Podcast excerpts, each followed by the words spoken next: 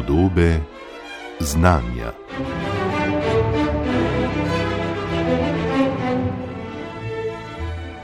Bolj ko so se naša življenja v pomembni meri preselila na splet, bolj očitno postaja, kako relevantna je varnost občutljivih podatkov v digitalnem okolju. Vse pogostejši kibernetski napadi in kraje podatkov, ki neredko prizadenejo milijone ljudi, zelo nazorno kažejo, da je danes varnost na spletu v praksi pogosto precej trhla. Povsem pa bi sodobno zaščito, ki temelji na enkripciji, pometel prihod kvantnega računalnika. A prav kvantne tehnologije naj bi, po drugi strani, ponudile alternativno in dejansko varno infrastrukturo za spletno komunikacijo v prihodnosti. In v to področje se danes pospešeno vlaga. Evropska unija tako namerava v desetih letih vzpostaviti kvantno komunikacijsko infrastrukturo v vseh državah članicah.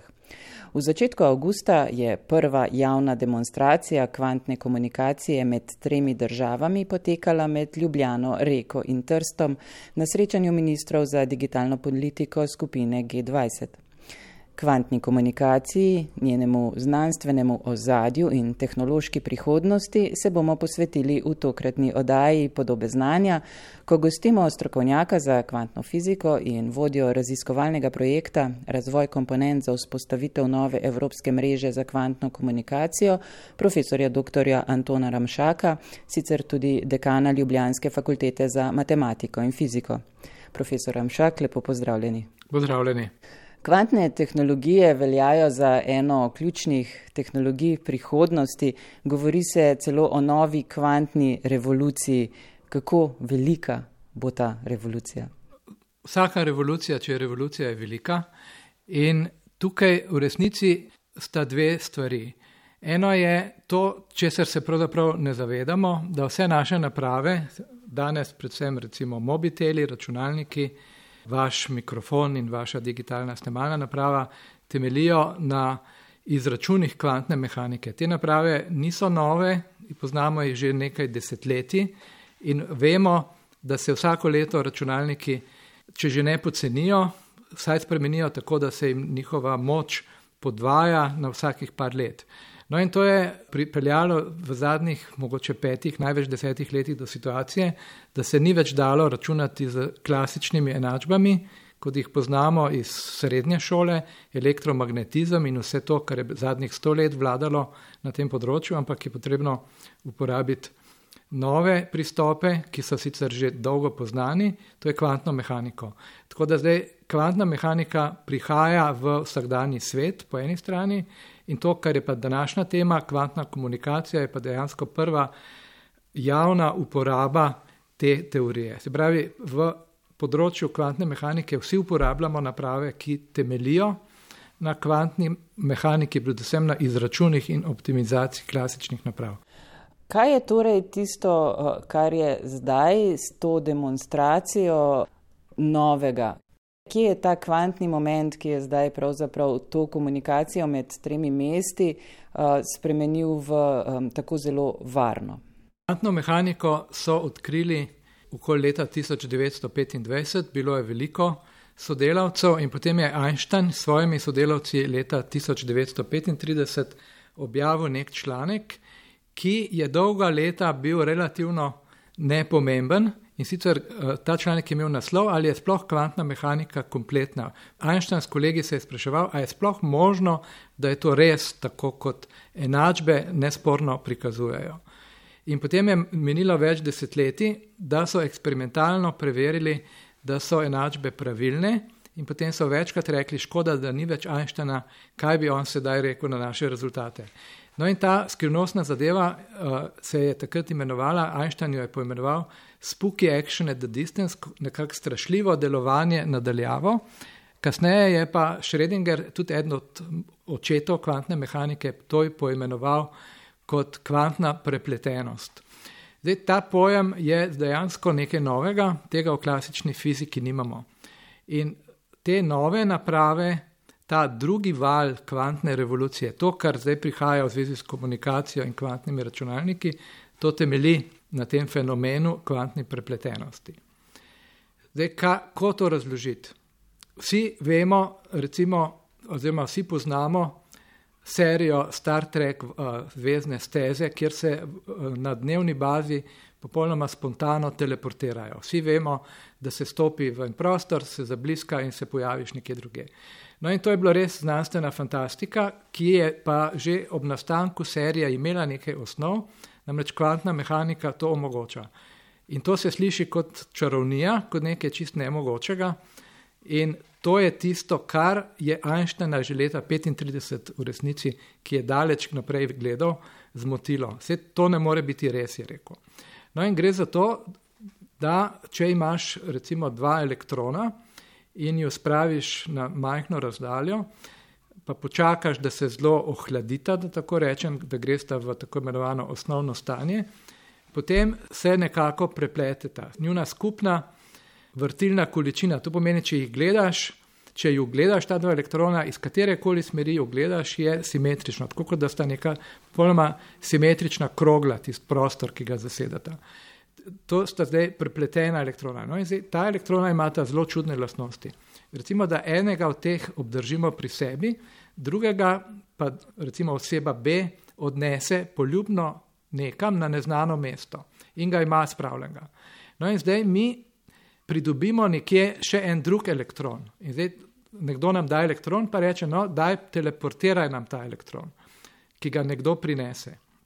In zdaj, kako poteka teleportacija? Tako, da ta oseba B, ki je neznano, ki je ponovadi se reče, recimo v nekem močverju, brez vseh komunikacij, razen s telefonom v roki na neznanem kraju, poljubno daleč na poljubni zvezdi. In zdaj bi mi radi ta elektron, ki nam ga nekdo prinese, teleportirali tej osebi B. Kako naredimo? Vzamemo ta elektron, vzamemo tistega od para tistih dveh prepletenih, ki ga hranimo, jo damo skupaj in potem naredimo posebno fizikalno meritev teh dveh. Se pravi, damo jo v neko magnetno polje in nekako izmerimo neko količino. In izid te meritve so štiri možnosti. Ena od štirih možnosti se bo zgodila, in mi pogledamo, kaj se je zgodilo. In potem mi temu, ki je tam v tistem močverju, po telefonu rečemo, zgodila se je varianta B, od A, B, C, D, štiri možnosti so. In on reče, ah, hvala, in potem ti svoj elektron da v eno svojo napravo, nastavi na, števil, na črko B, pritisne in tisti elektron, ki ga ima on, postane popolnoma enak temu, ki smo ga mi dobili za teleportirati medtem ko naš elektron se je pa v našem eksperimentu pokvaril in ga ni več. Na ta način smo mi dejansko elektron teleportirali, ampak ne fizično. Fizično ga je ta gospod, ta oseba, ki je šla v močverje, da tako rečem, odnesla sabo kot elektron, ampak informacija elektrona. Elektron še ni vse. Elektron ima svojo vrtilno količino, svoj spin, svoje kvantne lastnosti in te lastnosti so se prenesle. Torej, on je šel v močverje z, kot z, z parom elektrona, ki ga je pustil pri nas. Potem je prišel ta dodatni elektron, dodatni in naš skupaj smo mi obravnavali, in v tem postopku se je nekaj zgodilo z tem elektronom v močverju, da je lahko ta, ki je v močverju po telefonu zvedel, kaj se je z našim elektronom zgodilo, na svojem nekaj naredil, da je postal enak našemu. Zdaj, to, tukaj v, v tem procesu je bilo pomembno, da sta bila elektrona kvantno prepletena in kakršna koli meritev na enem, to je na tem našem odpara, je nekako pustila pečat na tem drugem elektronu, čeprav je bil neznano, ki je jim poljubno daleč. Zdaj, to je bilo za Einsteina nepojmljivo in tudi za vse druge, ki se ukvarjajo z teorijo kvantne mehanike. Se pravi, ta človek v močverju torej mora imeti s sabo en del tega prepletenega para. Ja, to je pomembno. To je v resnici v zvezdnih stezah narobe. Ne. To je mogoče prav narejeno v tistem filmu Muha. Obstajal je še en film, ki se je tudi doskrat ponavljal, tam je pa nori znanstvenik tudi naredil teleportacijo, tam je to možno narediti.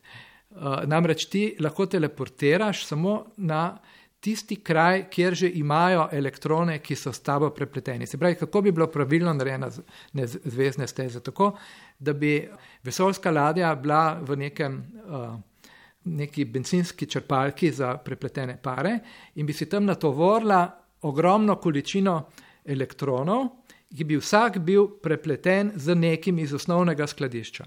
In potem tisti, ki bi si radi med sabo teleportirali, bi morali tudi to skladišče in si tudi nabrati zalogo teh prepletenih parov, ene, enega od parov, in potem bi moral vsak v tej komunikaciji med A in B imeti svoja dva para in to veliko število, pa še seveda tudi protonov in nevtronov, vseh osnovnih delcev, in potem bi moral samo še človeka razstaviti na osnovne delce. In potem bi te delce lahko teleportiral na ta način, ker fizično ži, so že na lokaciji, samo njihova informacija se prenese in potem postaneš uh, na drugi strani. To je ideja. Zdaj uh, za teleportacijo človeka je še verjetno zelo, zelo daleč. Če sploh, kaj si, če sem prav razumela, profesor Anton Ramšak, tisto, kar se dejansko prenese, je informacija o tem, kakšen je ta elektron. No, zdaj sva se pravzaprav vrnila na trdna tla. Ta začetek je bil bolj motivacijski, je pa resničen. Se pravi, teoretično bi lahko človeka teleportirali, ampak bi ga bilo treba razstaviti.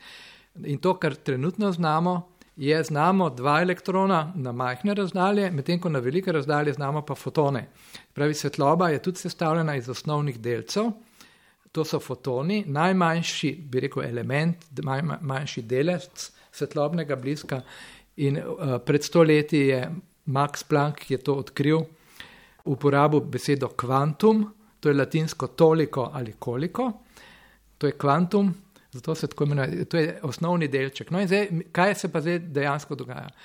Vso to teorijo dejansko zdaj v tem času, ki smo mu priča, poskušamo uporabiti za prenos informacije, se pravi za samo bistvo teleportacije, ne za prenos ljudi, ampak za prenos podatkov. Zdaj, kaj so podatki, da na neko razdaljo spraviš številko nič ali ena in zaporedje tega. In zakaj bi to bilo kaj novega, vse to dnevno delamo, poslušamo radio, telefon, to je zdaj vse digitalno, vse deluje na tem principu. Samo vse te obstoječe komunikacije so klasične. Kaj to pomeni? To pomeni, da so v principu popolnoma take, kot smo to delali pred 100 ali 200 leti. Recimo, vsi poznamo vsaj načeloma Morzejevo abecedo, imamo dve osebi, spet A in B. Recimo, da bi oseba A rada osebi B sporočila nekaj, pa je ta oseba B dovolj daleč, da še vidi recimo svetlobne bliske, ki jih z neko, z neko močnim reflektorjem pošilja oseba A. Med ladjami so dejansko tako komunicirali. Pravi, usmeriš reflektor proti osebi B in uh, dela svetlo, temno, svetlo, temno in on iz tega že ve, kaj to pomeni. No in recimo, da za, tem, za to osebo B nekje za njim stoji v grmovju ena oseba C, in to gleda. Oseba B sploh ne ve, da še kdo drug lahko vidi te bliske. Zdaj, ko ti gledaš svetlobne bliske v klasičnem načinu, jih enako dobro vidiš še veliko drugih ljudi. No in zaradi tega ti drugi lahko to prisluškujejo. Lahko da je ta, to sporočilo zakodirano, zašifrirano, ampak vemo že med drugo svetovno vojno, ko je bila slavna enigma, mimo grede, zdaj bo tudi uh, neka predstava gledališka o Turingu, ki je bil uh, tisti, ki je bil osnova, osnovni pri lomljenju šifr. Skratka, te klasične šifre seveda imamo, ampak to je samo stvar časa, da jih razlomiš. Ampak eh, fizikalni princip, vidiš bliske, vsak jih vidi, ki samo uh, jih želi videti. No in popolnoma enako z našo komunikacijo danes. Danes gre vse po optičnih kablih, ampak te optični kabli pošiljajo bliske svetlobe, ki so v bistvu enako kot tista morzija, beseda, samo da delamo v binarnem, nič pa ena pošiljamo.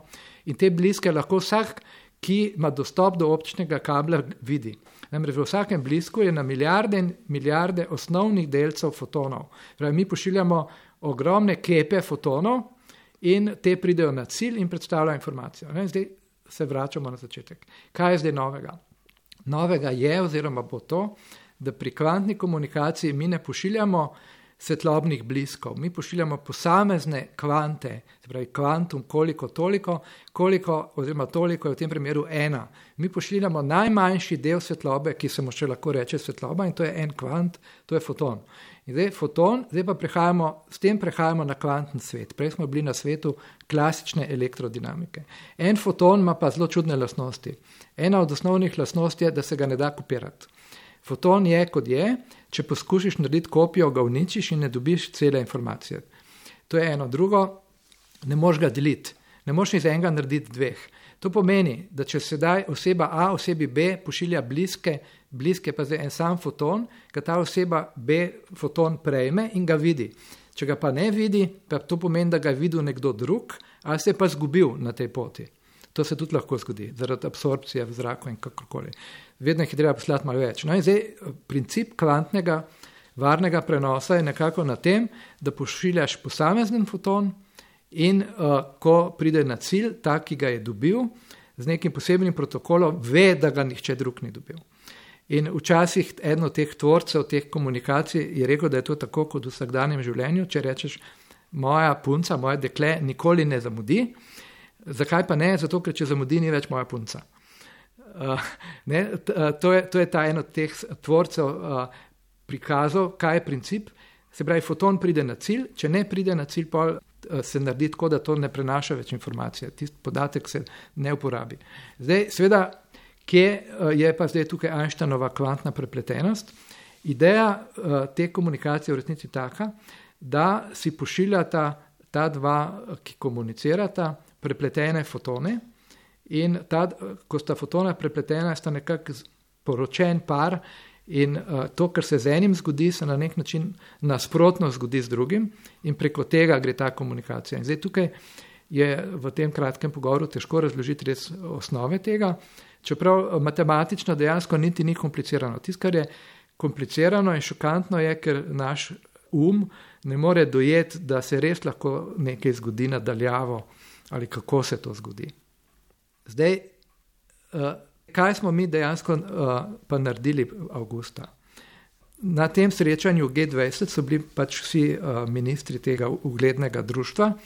In eh, naši kolegi iz Trsta so prišli na idejo, da bi mi v realnih pogojih prvič v zgodovini preizkusili to tehnologijo. Do zdaj smo to imeli v, v laboratoriji, se pač ukvarjamo s tem, da recimo da karikiram med enim laboratorijem in drugim, malo komuniciramo, zdaj smo pa bili postavljeni v realno življenje. Slovenski telekom nam je šel tukaj zelo na roko, zelo oni cenijo za te inovativne zadeve, tako da so nam brezplačno odstopili svoja optična vlakna, ki so že položena v zemlji in jih imajo vedno na zalogo. In so nam dali vlakno, ki se ne uporablja za nič drugega v tem trenutku. In mi smo preko teh optičnih povezav od Trsta naredili povezavo do postojne, namreč omejeni smo z razdaljo, ne da se na poljubno razdaljo, potem smo v postojni ta signal prekopirali in ga poslali v Ljubljano. Podobno so kolegi na Hrvaškem šli do reke, do Zagreba je bilo že predaleč. Nimamo dovolj opreme, da bi to, to povezali, ampak je bilo tudi v redu. No, zdaj tukaj so, uh, smo dejansko naredili prvič v zgodovini povezavo med tremi državami na nekem uradnem dogodku in še uporabili smo javno komunikacijo, javno v smislu javni optični kabel ali vlakno uh, in seveda prirejen za naše namene. No in kaj smo naredili? Izmenjali smo si geslo. Namreč uh, pri, pri kvantni komunikaciji, da zdaj grem bolj na konkretno, gre v resnici za to, da si želimo izmenjati geslo. To vsi poznamo, imamo PIN v mobitelu, štiri številke. Zdaj, če hočeš komunicirati, je ponavadi 4000 številk, 4096, recimo je standardna količina uh, bitov, se pravi ničel pa enk, ki so to geslo, ampak to geslo je treba iz lokacije A na lokacijo, na lokacijo B pre, prenesti.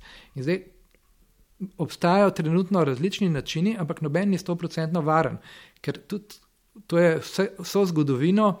Šifriranje je bil problem, kako sporočilo pač prenesti. Ti prestrežeš sla in dobiš sporočilo.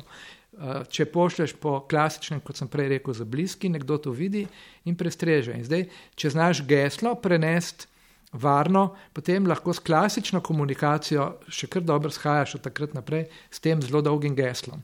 Tako da trenutno je ta komunikacija taka. Z protokolom kvantne komunikacije smo mi prenesli oziroma vzpostavili geslo med Ljubljano, reko in uh, Trstom. Se pravi, zelo dolgo binarno število, ki smo ga na podlagi teh kvantnih čarovni vzpostavili. Potem smo ga imeli v računalniku, vsi tri, vsi tri je isto število, geslo, in smo na podlagi tega gesla potem komunicirali preko navadnega interneta na običajen način, samo tega gesla nihče ni mogel prestreči. To je bila novost. Seveda v prihodnosti bo najbrž vsa komunikacija kvantna, ampak trenutno je to tehnološko pač še odmaknjeno. Ampak zdaj, kar zdaj znamo in smo pokazali, znamo prenesti kvantni ključ. No, tehnološko to ni ultimativni dosežek. Na tem področju so kolegi iz Kitajske že pred nami in sicer uh, dve leti najmanj. Kolegi, uh, s katerimi tudi mi sodelujemo iz Dunaja, so skupaj s Kitajci na njihovem satelitu, ki so ga dve leti, skoraj mogoče tri leta nazaj izstrelili, vzpostavili povezavo med uh, Pekingom in Šanghajem oziroma med Pekingom in še enim drugim mestom. Skratka, oni so to že na razdalji tis, več kot tisoč km naredili, ampak to ne po optičnem kablu, ker ne gre tako daleč, ampak po praznem prostoru, pravi preko satelita. Zdaj, to pač uh, že obstaja, zdaj, v čem smo torej mi bili prvi, da smo uporabili te optične povezave, ki so javne. In med tremi državami v realnem dogodku, izven laboratorija, smo prišli. Zdaj bi se morda napotila malo pogledati, kakšna torej nas čaka ta kvantna prihodnost, čisto iz tega tehnološkega vidika. Zdaj marsikaj ste že povedali, profesor Anton Ranšak, ampak ne, vemo, Pravzaprav si vse države eh, prizadevajo za varnejšo komunikacijo v prihodnosti, zato se gradi tudi infrastruktura, tudi v, v Evropi. Zdaj, kako naj bi to izgledalo? Omenili ste že, da pač so na optičnem omrežju razdalje določen problem, se pravi, da bo treba tukaj veliko opreme dodatne vendarle vzpostaviti, če želimo imeti tako varno komunikacijo preko uh, recimo celotne Evrope. Omenjali ste zdaj uh, kvantni satelit, ki ga so kot prvi izstrelili Kitajci. Verjetno so tudi takšni sateliti v prihodnje v načrtu, tako rekoč povsod. In kako bodo ti kvantni interneti med sabo povezani, če bodo? Ja, hvala za ta vprašanja. Uh, širok nabor. Torej, odgovorov je tukaj v bistvu precej. No, ena stvar je, da v Evropi tudi načrtujemo izstrelitev uh, takšnih satelitov in to preko Evropske vesoljske agencije in tudi planirano je, da bo na določenih razdaljah bojo zemljske bazne postaje, ki bojo komunicirale s tem satelitom ali sateliti, več jih bo potrebnih. Sveda, za velike razdalje verjetno ni drugega načina kot satelit. Za krajše razdalje, to, kar mi sedaj recimo, smo začeli delati, pa bo neobhodno delati na ta način. In tukaj eh, v prihodnosti pričakujemo, da bo podobno kot to, kar smo zdaj naredili, samo da bodo te naprave, ki smo jih mi iz laboratorijev prinesli, posebej sestavili v ta namen. To so bile velike škatle, ki jih je bilo treba z veliko skrbjo uh, Eh, predstavljati z mize na mizo. To bojo neke majhne škatle, kot so bili včasih modemi ali pa serverji, ki jih tudi zdaj za računalnik uporabljajo. To bo neka komercialna škatla, v katero bo šlo optični kabel, optično vlakno in boš pač komuniciral preko te škatle. Se pravi, za uporabnika bo najbrž tako kot danes, ko nimamo pojma, kaj noter v mobitelu, ne vemo, kaj so to računalniški strežniki, ne vemo, kaj so modemi, priklopimo, neki tehniki nam priklopijo in vse lepo deluje. Tako da jaz pričakujem, da bo to točno enako. Tehnologija danes je pač nova, zapletena, ampak ko bo to komercialno, bo to postalo pač dostopno cenovno in odporno na udarce in motnje. Tako da, kako bo to potekalo v tej smeri? Se pravi, zaenkrat se tega ne da kupiti, zaenkrat se kupuje samo komponente, iz katerih mi te naprave sestavimo, ker nimamo dovolj izkušnje s tem. Se pravi, najprej bo treba še, bi rekel, vsaj pet let uh, teoretično, eksperimentalno znanstvenega dela, potem bo pa počasi to začelo prihajati. Verjetno bo v uporabi najprej za tiste, ki jim je bolj pomembno. To je komunikacija na vladnih nivojih, vojaška, NATO, eh, banke, eh, zdravstvo, tam, ker je bolj nevarno, ker so bolj občutljivi podatki. S časom bo pa verjetno prehajalo to v sodobno življenje, v vsakdanje življenje počasi. Tako da ta del je to. Zdaj, to je mogoče odgovor, ki ni točno na vaše vprašanje, ampak prihodnosti ne poznamo, je pa sigurno, da se bo to razširilo. Mogoče zakaj je tako sigurno? Ker kvantna mehanika, zdaj smo se oddaljili, pa se moramo vrniti k temu, dejansko omogoča praktično 100% varno. Medtem ko brez kvantne mehanike pa zagotovo ni 100% varno. Uh, namreč tiste bliske dejansko lahko prisluškujejo. Mogoče grem še na tretje, zadnje vprašanje, kaj še prihaja. Uh, Ra kvantni računalnik je druga velika tema, ki prihaja in se moramo zavedati, da našim komunikacijam, oziroma predvsem pomembnim komunikacijam, to niso morda naše, ampak te pomembneži, ko komunicirajo med sabo in zagotovo drugi pomembneži vse čas prisluškujejo in te zašifrirane podatke beležijo, to se vse skladišči v neke oblake in se čaka na trenutek, ko bo prišel kvantni računalnik, ker kvantni računalnik bo, da ne rečem v hipu, ampak brez truda, od, odšifriral vse za nazaj. Tako da vse, kar je zdaj skritega, nekoč, če je shranjeno, ne bo več skrito, ker to bo moč kvantnega računalnika, ki pa je po moje posebna tema. Uh, danes smo se bolj pogovarjali o komunikaciji in ta kvantna komunikacija izkorišča kvantno mehaniko, to skrivnost, skrivnostno delovanje nadaljavo, je pa to lažji del od kvantnega računalnika. Kvantni računalnik bo še bistveno bolj zapleten, bo pa temeljil na teh principih. Ampak tudi na področju kvantnega računalnika se zdi, da so Kitajci naredili kar zelo velik napredek. Tako tukaj, kot na drugih področjih, v resnici vsi vemo diskusijo o G5 tehnologiji. G5 tehnologija je samo nekajkrat hitrejši internet, kot ga imamo. To, to je samo izboljšava, ampak tukaj so Kitajci, ki so jih morda mnogi v zadnjem času podcenjevali, so mislili, da samo kopirajo in izdelujejo, so naredili svoj razvoj. Tako da so na tem področju zelo razviti, eh, tako tudi na kvantnem. Za njih je to bila povsem nova tehnologija, ampak ker zelo veliko vlagajo v te raziskave, so naredili zelo velike korake naprej. Tudi njihova raziskovalna politika je izredno napredna. Oni so zelo veliko svojih najboljših študentov šolali na najboljših evropskih univerzah in nekaj časa so ti želeli službe dobiti na Zahodu, danes je obratno. Kitajci, oziroma kitajsko okolje je izredno privlačno za raziskovalce, ne samo za Kitajce, ki se vrnejo z vsem tem znanjem, ampak tudi za evropske oziroma zahodne raziskovalce, ker imajo tam izredne možnosti. Tako da tukaj je to uh, mogoče nek poziv vsem nam, da se zavedamo, da je treba veliko vlagati v znanost. Moram reči, da v Sloveniji v zadnjem času gre na bolje, tako da tukaj uh, se odpirajo nove možnosti. Imam občutek, da smo tudi v Sloveniji dejansko spoznali, da uh, znanost potegne naprej, tako da tukaj sem optimističen.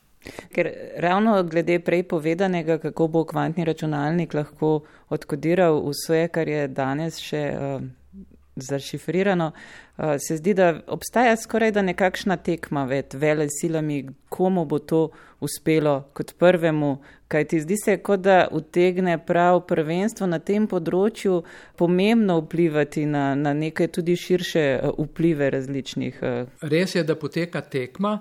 Je pa res, da ta tekma ni tako kot pri kolesarstvu, ki smo ga zadnje čase spremljali, da ko prideš na cilj za par sekund, si pa zmagovalec, drugi so, so pa tisti, ki so izgubili. Ta tekma je tako huda, da se ne bo zgodil rezultat v nekem trenutku, ni cilja, ni zmage. To je, sta, to je tako kot pri evoluciji, usporedno se razvijamo vsi in bomo vsi verjetno prišli hkrati do cilja.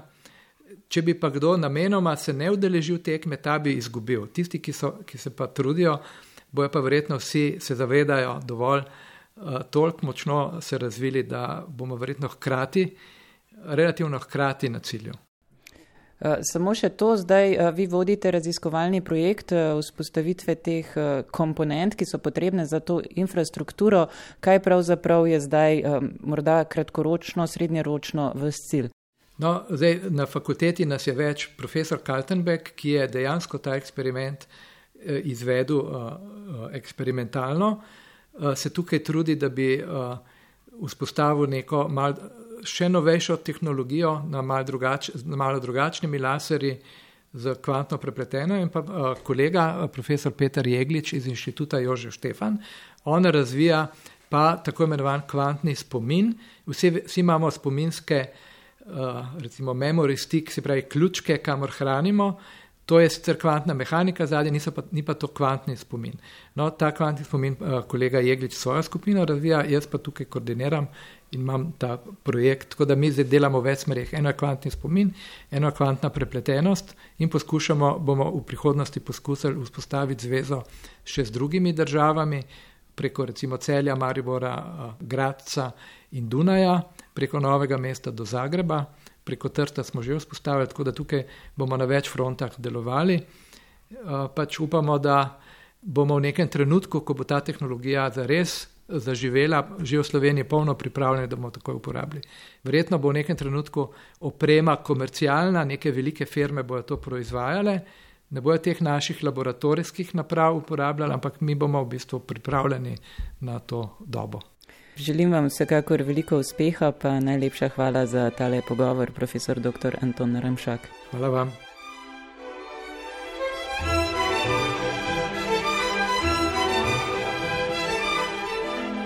Podobe znanja.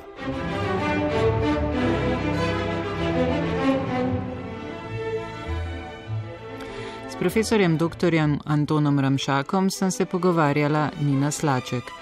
Vabljeni, da oddaji podobe znanja prisluhnete tudi na spletni strani programa Ars ali jo poiščete med podcasti.